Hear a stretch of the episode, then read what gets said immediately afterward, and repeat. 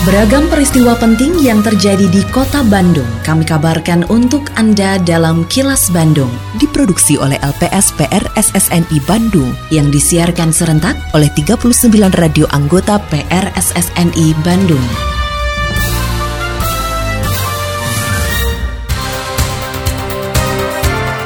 Sejumlah informasi aktual kami hadirkan untuk Anda dan inilah informasi utamanya. 300 pelaku IKM di Kota Bandung mendapat sertifikasi. Masyarakat diimbau pahami gejala Mpox. Parpol diminta lapor sebelum sosialisasi. Saya Santika Sari Sumantri, inilah kilas Bandung selengkapnya.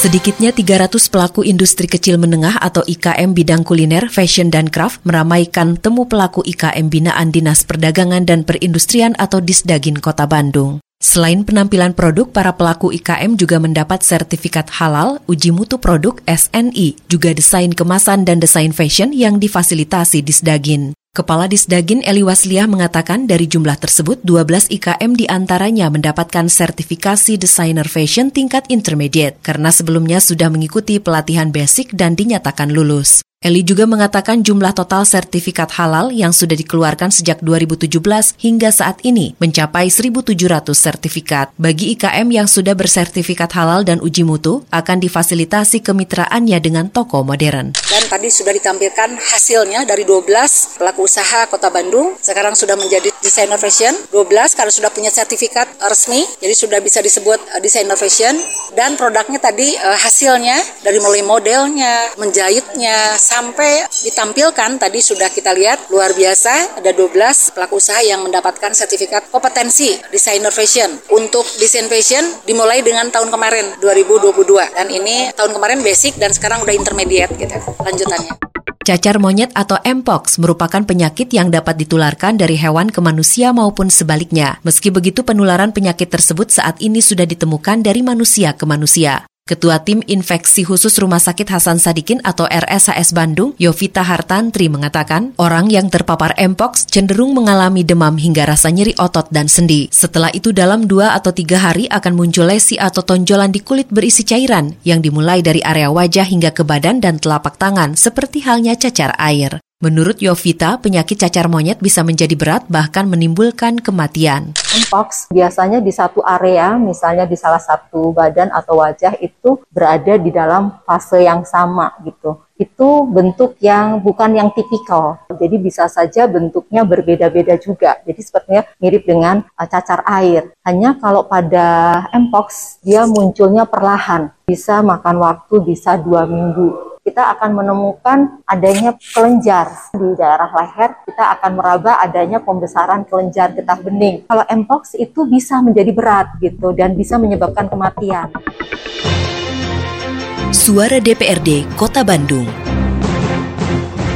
Masyarakat perlu mendapatkan sosialisasi mengenai cacar monyet agar kasus tersebut tidak merebak di Kota Bandung. Hal tersebut diungkapkan anggota Komisi D DPRD Kota Bandung Iwan Hermawan terkait ditemukannya kasus cacar monyet di Kota Bandung. Menurutnya DPRD Kota Bandung sudah mendapatkan laporan adanya warga Kota Bandung yang terindikasi cacar monyet dan saat ini menjalani perawatan di RSAS. Politisi PKS ini mengatakan DPRD juga memberi atensi untuk penanganan masalah cacar monyet. Pihaknya sudah menyiapkan sosialisasinya dan anggaran agar setiap puskesmas melakukan pencegahan dan penanganan, sehingga diharapkan kasus cacar monyet tidak merebak di kota Bandung. Saya dapat kabar dari Dinas Kesehatan bahwa ada satu orang pasien yang terindikasi monkeypox cacar monyet yang dirawat di RSAS. Ini jadi bahan perhatian juga. Yang pertama memang seperti yang pernah disampaikan, kita tidak boleh abai. E, kemudian e, harus ada sosialisasi yang baik di tengah masyarakat tentang pemahaman tentang apa yang dimaksud dengan cacar monyet ini. Dan secara pengawasan, secara penganggaran di DPRD sudah kita perhatikan juga ajuan dari Dinas Kesehatan untuk penanganan masalah cacar monyet ini. Kita siapkan sosialisasinya, kemudian juga kita siapkan APD-nya ya untuk bisa setiap puskesmas bisa punya tindakan untuk pencegahan maupun penanganan. Pemerintah Kota Bandung didorong untuk mempunyai teknologi yang bisa mengolah sampah di Kota Bandung secara menyeluruh. Upaya ini dinilai perlu dilakukan karena persoalan sampah di Kota Bandung menjadi masalah kompleks. Pasalnya selama ini Kota Bandung hanya mengandalkan pembuangan sampah ke TPA Sarimukti. Wakil Ketua 1 DPRD Kota Bandung Kurnia Solihat mengatakan, meski TPA Sarimukti sudah dibuka kembali, masih belum bisa menampung seluruh sampah dari Kota Bandung yang mencapai 1.600 ton per hari. Politisi Gerindra ini mengakui adanya teknologi pengolahan sampah harus dibarengi dengan upaya mengajak masyarakat untuk bersama-sama mengolah sampah. Tapi di lain itu sebetulnya kami mendorong Bandung itu harus mulai bicara taktis ke depan, jangan hanya mengandalkan lagi bagaimana sampah untuk dumping. Mau tidak mau Kota Bandung itu harus ada program yang ke depan untuk pengolahan sampah yang bisa menjadi PLTSA atau apalah yang bisa mengolah sampah di Kota Bandung secara menyeluruh. Karena walaupun nanti kita bisa buang sampah ke Lubuk Nangka itu cepat hanya 800 ton terkirimnya, masih tersisa 800 ton lagi. Sedangkan kalau bicara ke masyarakat itu tidak bisa sebentar. Moga-moga perilaku itu tidak bisa dihitung dengan hari, itu tahun-tahun kan gitu. Halo Sobat OJK Jawa Barat, pernahkah kamu menerima pesan undangan pernikahan tapi pas diklik ada perintah untuk install? Atau pesan berisi daftar orderan e-commerce tapi ujung-ujungnya mengisi data pribadi di formulir online? Eh, jangan sembarangan install aplikasi yang tidak dikenal ya. Sekarang lagi banyak banget modus kejahatan atau social engineering dalam bentuk aplikasi. Ada pula yang berupa link tracking paket, link perubahan biaya transaksi ATM, sampai link surat tilang elektronik yang berujung permintaan data pribadi.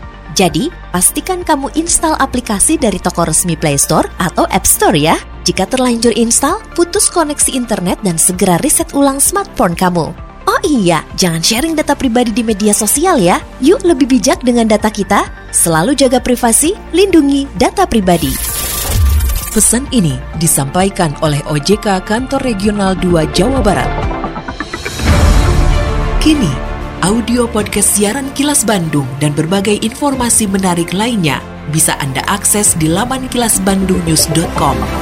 Badan Pengawas Pemilihan Umum atau Bawaslu Jawa Barat meminta partai politik yang akan melakukan sosialisasi atau pendidikan politik untuk terlebih dahulu melaporkan kegiatannya kepada Bawaslu atau KPU. Ketua Bawaslu Jawa Barat Zaki Muhammad Zamzam mengatakan pihaknya juga mengimbau kepada partai politik dan bakal calon anggota legislatif untuk bisa menahan diri terkait konten dalam proses sosialisasi atau pendidikan politik yang dilakukan. Pasalnya masa kampanye masih belum dimulai, begitu juga daftar calon tetap belum ditetapkan ketika akan melakukan kegiatan sosialisasi atau pendidikan politik, panitia penyelenggara harus melaporkan atau memberitahukan kepada KPU dan Bawaslu satu kali 24 jam maksimal sebelum kegiatan berlangsung. Jadi selama itu dijalankan, boleh-boleh saja partai politik melakukan uh, pendidikan politik dan sosialisasi.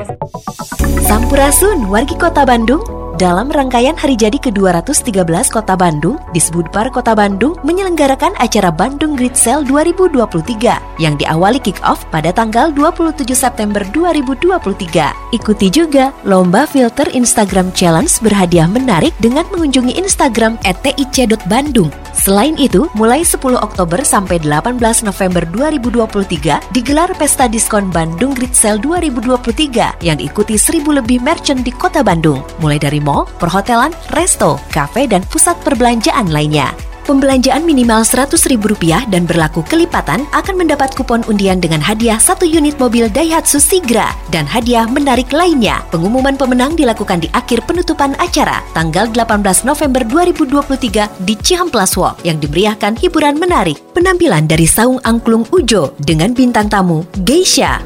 Ayo datang ke kota Bandung, ajak keluarga dan saudara berbelanja di program Bandung Grid Sale 2023 untuk membantu meningkatkan perekonomian di bidang pariwisata kota Bandung. Iklan layanan masyarakat ini dipersembahkan oleh Dinas Kebudayaan dan Pariwisata Kota Bandung. Terima kasih Anda telah menyimak kilas Bandung yang diproduksi oleh LPSPR SSNI Bandung.